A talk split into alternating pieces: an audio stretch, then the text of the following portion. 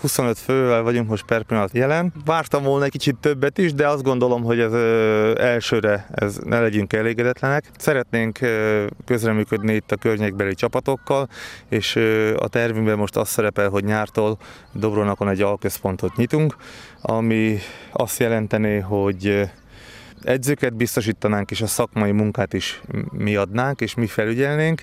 Ahogy látom, van egy-két gyereknek affinitása ehhez a játékhoz. Igazából a mi feladatunk az, hogy a lehetőséget megadjuk nekik arra, hogyha magasabb szinten szeretnének futballozni, csak rajtuk múljon innentől, hogy ez sikerül-e. Mondta el érdeklődésünkre Szabó Kettő Zsolt, a NAFTA utánpótlás képzés szakmai vezetője, a Dobronaki focipán végzett felmérés szünetében, majd így folytatta. Hát igen, ez a toborzó igazából nyitott volt, tehát nem volt ö, eltiltva az a kisgyermek, aki esetleg máshol már le van igazolva. Nem szeretnénk mi semmilyen egyesületet sem tönkretenni, de hogyha valaki Dobronakon lakik, és lesz lehetősége Dobronakon minőségi futballt kapni, akkor nem biztos, hogy megéri neki mondjuk elutazni a gyerekkel a szomszéd faluba. Ez majd a szülők döntése lesz igazából, tehát mi azt akarjuk, hogy minőségi munka folyjon, és majd a szülő eldönti, hogy a gyerekének mi a jobb. Ugye azt a NAFTA utánpotlás vezetője is tudja, hogy a Mura a napokban éppen együttműködési szerződést kötött a Beltincivel, és éppen az utánpotlásra vonatkozóan, tehát Muravidéken egy utánpotlás nevelő központ kialakításában gondolkodnak. Ugye a létszámhiányos csapatokat akkor így tudnák megoldani, és a tehetségek természetesen ott is minőségi képzést kapnak. Tehát ez irányban gondolkodik a NAFTA is. Természetesen hát terjeszkednünk kell nekünk is. Ugye az nem kell mondanom, hogy minél nagyobb a bázis, annál több tehetséges labdarúgó jöhet ki abból. Igen, hallottam ezt a kezdeményezést, ezzel igazából nem tudunk mit tenni. Per pillanat azt kell mondani, hogy a mura erősebb nálunk, tehát, és a, ami a tapasztalatom nekem ebben az elmúlt egy-másfél évben, tehát a gyerekek és a szülők is és szívesebben tendálnak a mura felé. Nekünk ezen kell változtatni, hogy a helybeli gyerekek szeressék a naftát, és akarjanak a naftába futballozni. A kérdésre, hogy Dobronak után netán a Goricskói vidéken is alközpontot hoznak létre, Szabó Kettő Zsolt ezt válaszolta. Én azt mondom, hogy nincs megállás, tehát próbálkoznunk mindenképpen kell. Ami fontos, hogy ez, ez az alközpontunk, ez induljon be, ezt megvárjuk ezt a fél évet, hogy ez hogy fog működni, és ha, ha van rá kereslet, akkor szeretnénk azért tovább terjeszkedni, hát nekünk is szükségünk van a megfelelő bázisra.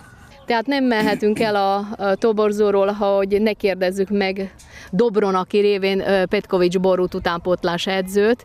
Milyen képességű gyerekek ezek, Borút? Ön jól ismeri őket, már korábbról is, most is tudja, mi a jelen helyzet, kik voltak lényegében jelen. Néhányat mi is ismerünk. Akik jelen voltak, azok azt hiszem egytől egyig a kétnyelvű Dobronaki általános iskola tanulói, annak révén, hogy itt az iskolán is közreműködök, ismerem őket, és tudom, hogy van egy-két nagyon tehetséges gyerek, de meglátszik az rajtuk, hogy nem eleget, illetve még jobban is lehetne velük foglalkozni, úgyhogy láttunk tehetséges gyereket. A Dobronaki Alközpont nagy mértékben segíti a gyerekek fejlődését, és ezáltal minőségi kiválasztás történhet, jegyezte meg Petkovics utánpótlás edző, majd hozzátette hangsúly ugye azon lesz, hogy ugyanazt a képzést fogják megkapni, amit a Lendván is a gyerekek, úgyhogy még mindig szeretettel mindenkit várunk, a program ugyanaz lesz, az edzők ö, ugyanazokat a szempontokat fogják figyelembe venni, mint Lendván, úgyhogy azt hiszem, hogy egy nagyon minőségi képzést fognak kapni a gyerekek. Azt mi is tudjuk, hogy mint minden dolog nehézkesen indul, de fél év múlva, egy év múlva biztosan előrelépést várunk, meg fogja ezt is ismerni a környék, hogy be fogja látni, hogy jól dolgozunk, és akkor bízom a szülőkben, hogy ezt, ezt, ezt belátják, és akkor ide ránk bízzák a gyerekeket. A kilenc éves Cár Tilen is eljött a toborzóra. Igen, én nem járok egy klubhoz se, hanem csak otthon szeretek tréningülni, meg apukámmel. De előttél kíváncsiságból? Igen. Magyar Marcel hány éves? Nyolc leszok, de hét vagyok. Szereted a futballt? Azért jöttél el, gondolom. Igen, mert Szaradomosban a papámnál mindig fotbalozok. Na, majdnem mindig, amikor nincs hol a dolga. Miért szép kergetni a labdát?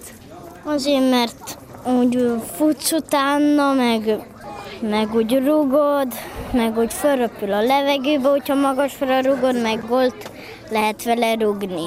Hogyha ügyes vagyok még, akkor tudok örülni is. Milyenek voltak ma a foglalkozások, Martin? Labdavezetés, kapura rugás. És mennyire voltatok ügyesek ebben? Hát jó, mindig gólt rúgtam. Miután megköszöntük a gyerekeknek a mikrofon előtti szereplést, Marcel még fontosnak tartotta elmondani. Amikor meg nagy leszek, akkor akarok lenni fotbalista.